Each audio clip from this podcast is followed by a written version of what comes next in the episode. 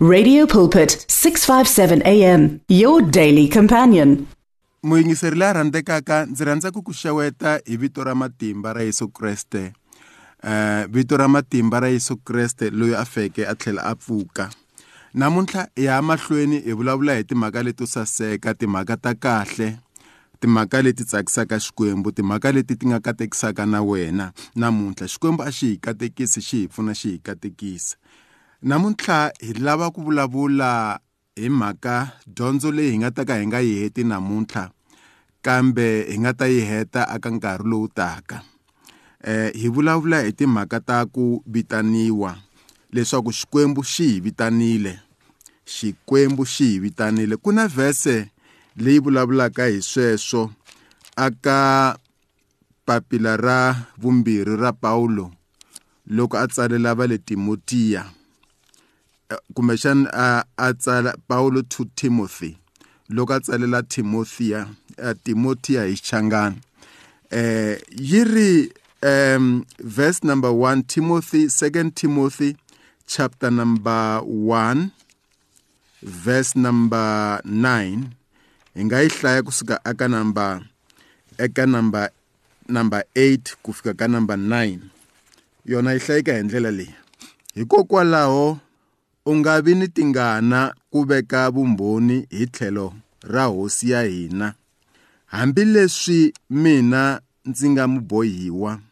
hikwalaho ka yona, na wena khensa ku xaniseka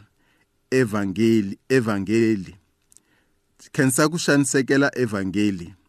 hi ku pfuniwa hi matimba ya Xikwembu. 9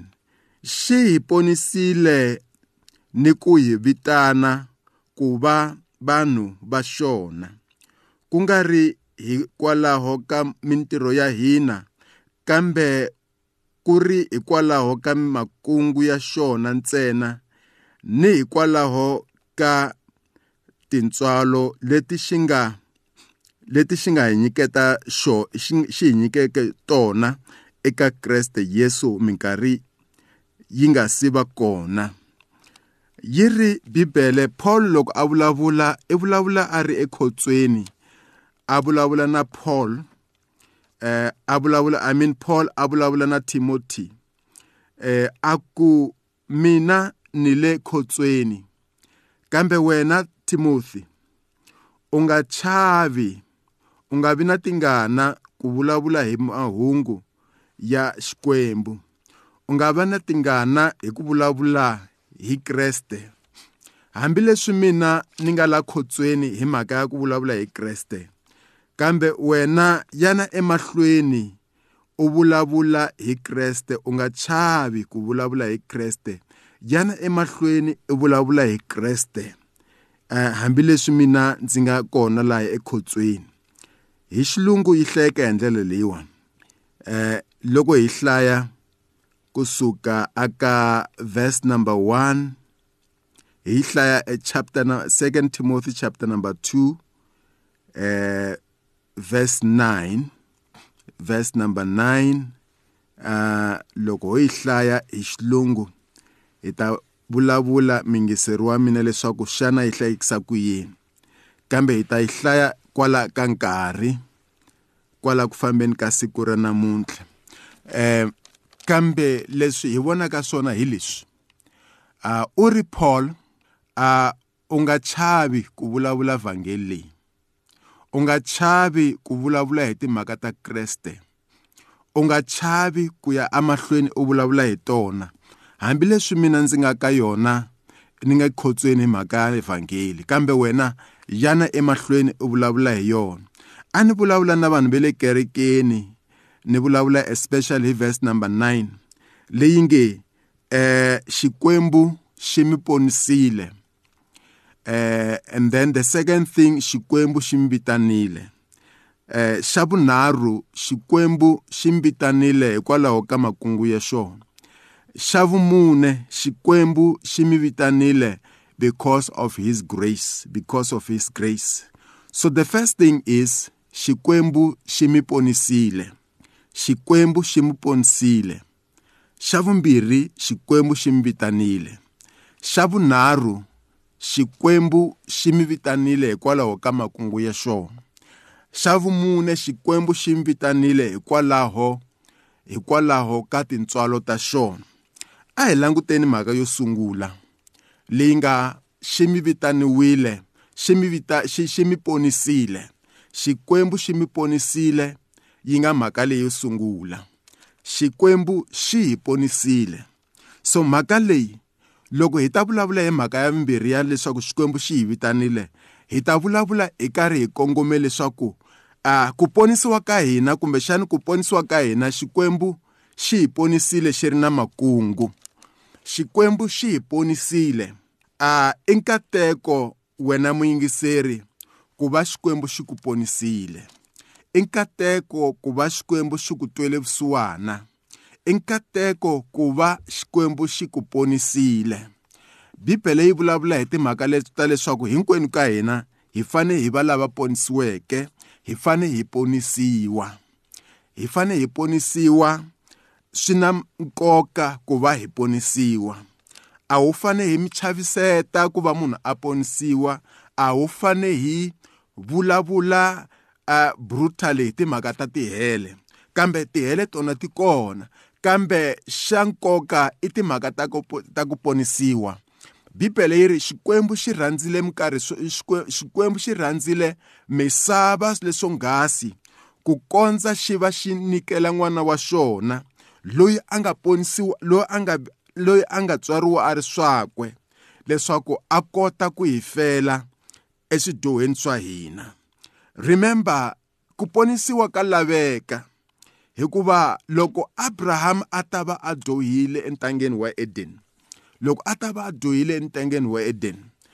ku laveke revival leswaku xikwembu xi vuyisa munhu ematshan'wini ya xona xi vuyisa munhu evumunhwini bya xona so hinkwenu hina lava hi nga tswariwa after abrahamu hi tswariwile mara hi va hi ri na xidyoho hikwalaho hi fanekela ku ponisiwa xikwembu xi tisile yesu kreste n'wana wa xona loyi a ri loyi a nga tswariwa a ri un'we um leswaku um hinkwenu hina hi pfumelaka ka yena hi ta ponisiwa hi ta va na vutomi lebyi nga heriki um a ni vulavula na vanhu um loko ni karhi ni chumayela hi timhaka ta ku ponisiwa ni ku swi na nkoka loko ni vulavula ekerekeni ku swi na nkoka ku va munhu a ponisiwa swi na nkoka ku va munhu a amukela Yesu tanihi musunguri ni muhetelerisi um, wa wa hina uh, swi na nkoka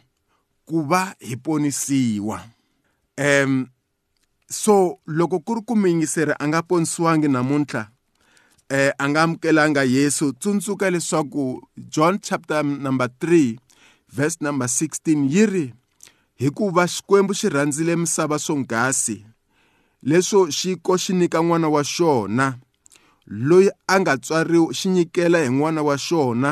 loyi a nga tswariwa a ri un'we leswaku hinkwenu hina hi pfumelaka eka yena hileswaku hinkwavo lava va pfumelaka eka yena va nga tshuki va lova kambe va va na vutomi lebyi nga heriki va nga tshuki va lova kambe va va na vutomi lebyi nga heriki so namuntlha i nkateko ku va hi vulavula hi timhaka ta ku ponisiwa i nkateko ku va hi vulavula hi timhaka leto saseka timhaka ta xikwembu timhaka ta ku ponisiwa wena muyingiseri xikwembu xa ku rhandza eh so Paul u ri loko hi hlaya kambe aka verse number 9 u ri xi hi ponisile ni ku hi vitana xi hi ponisile eh kambe ku ponisiwa hinkwenu ha laveka leswaku hi ponisiwa kambe ni la ku vula nakambe leswaku i choice hambiloko ku ri ku ri eh, xikwembu xi hi ponisile kusuka eku sunguleni xikongomelo xa xona a ku ri leswaku hi ponisiwa i choice ya hina kambe kambe leswaku a hi ponisiwa hi amukela Yesu em munhu a ngo tswariwa a ponisiwile kambe u u va a u tswariwa a nga ponisiwangi kambe kwala ku ku, ku, ku hanyeni a va na nkarhi wa ku tinyikela emahlweni ka xikwembu mina na wena a hi vi na nkarhi muyingiseri wa mina ku va hi tinyikela emahlweni ka Xikwembu. Eh ni tinyikerile emahlweni ka Xikwembu loko ni ri na eh about um eh, 16 years a ni ta ku ni kulele kerekeni ivi loko se ni va na 16 years ni endla decision leswaku a no va a no fanekele ku ya ntsena ekerekeni hikwalaho ka vatswari kambe ni fane ni teka decision leswaku na loko vatswari va nga ri ku yeni ekerekeni mina ni va ni ri ku yeni so ni endle decision just like daniel the other time other time loko a endla decision leswaku a nge a nge tithakisi emahlweni ka hosi kumbexani uh, he took a decision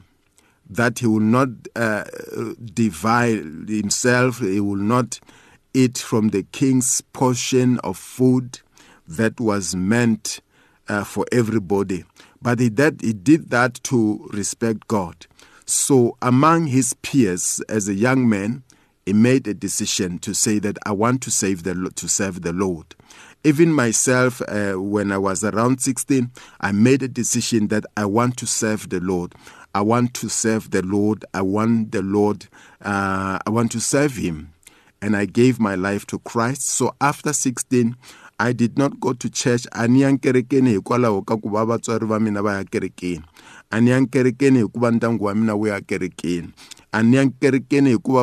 mina va ya kerekeni kambe ni ye kerekeni hi ku swi twisisa. Ni ye kerekeni hikuva ni leswaku ku ponisiwa i yini. So ni ye kerekeni ni karhi ni ri na ku twisisa leswaku a ah, se ndzi ponisiwile a yi a yi uh, I, I prayed the prayer of accepting Christ ni khongele xikhongelo xa ku va ni amukela Yesu ni khongele xikhongelo xa ku va ni ku Xikwembu namuntlha ndzi ta emahlweni ka wena eh ndzi ta emahlweni ka wena Xikwembu xa mina leswaku uh, ndi va mukreste I confessed with my mouth that Jesus Christ is Lord I confessed with my mouth that with my heart and accepted him in my heart so loko munhu a nga se swi endla sweswo swi na nkoka leswaku u swi endla swi na nkoka leswaku u swi endla hikuva bibele yi ri hi ponisiwile kambe ku ponisiwa i process eh eh Paul u vulavula hi timhaka ta ku Xikwembu xi hi ponisile a vulavula hi timhaka teto hikuva a vulavula na munhu loyi a nga ponisiwa a vulavula na Timothy Ah, mi ta tsundzuka leswaku Timothy ah, u ve a mentoriwa hi Paul hi ta ku A is a spiritual son of Paul hikuva u n'wi mentarile u n'wi chumayelerile ivi a n'wi mentor so a vulavula na munhu loyi a nga ponisiwa that's why a nga hlamuselangi process mara u lo vula leswaku xikwembu xi hi ponisile ah, mina na wena mina paul and you uh, timothy na namuntlha na ha vula leswaku xikwembu xi hi ponisile mina na wena loko u nga u nga se fikelela kumbe u nga ponisiwanga uh, it's a high time that you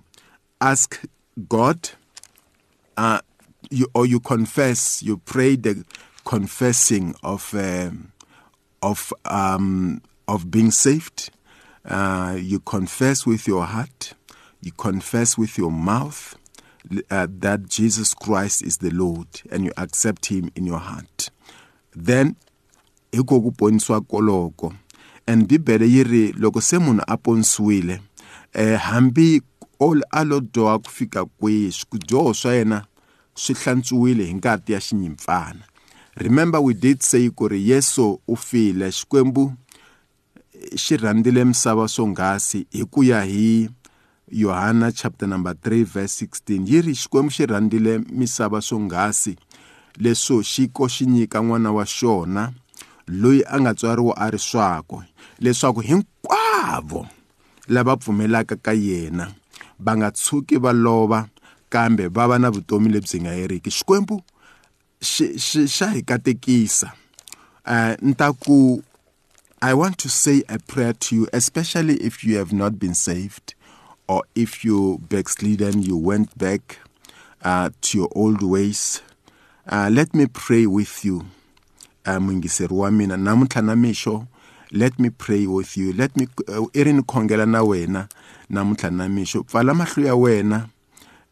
ivi u ni landzelela eka xikhongelo lexi i nge hoyi hosi xikwembu xa le matilweni na khensa dyondzo leyi ndzi yi kumeke ndza khensa leswaku em u ndzi hlawurile xikwembu ndza kombela leswaku xikwembu na khensa ku ponisiwa hi wena but say this i nge xikwembu xa matimba ndza pfumela eka wena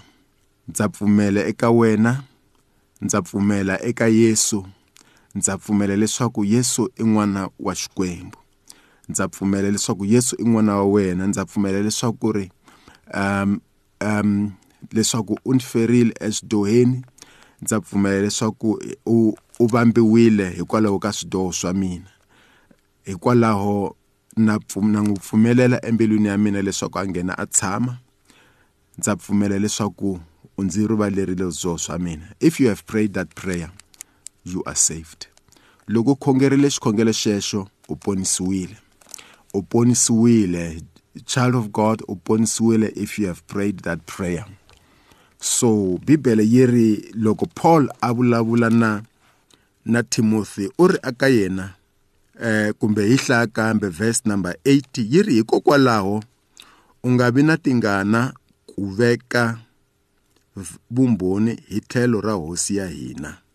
u nga vi na tingana ku veka vumbhoni hi tlhelo ra hosi ya hina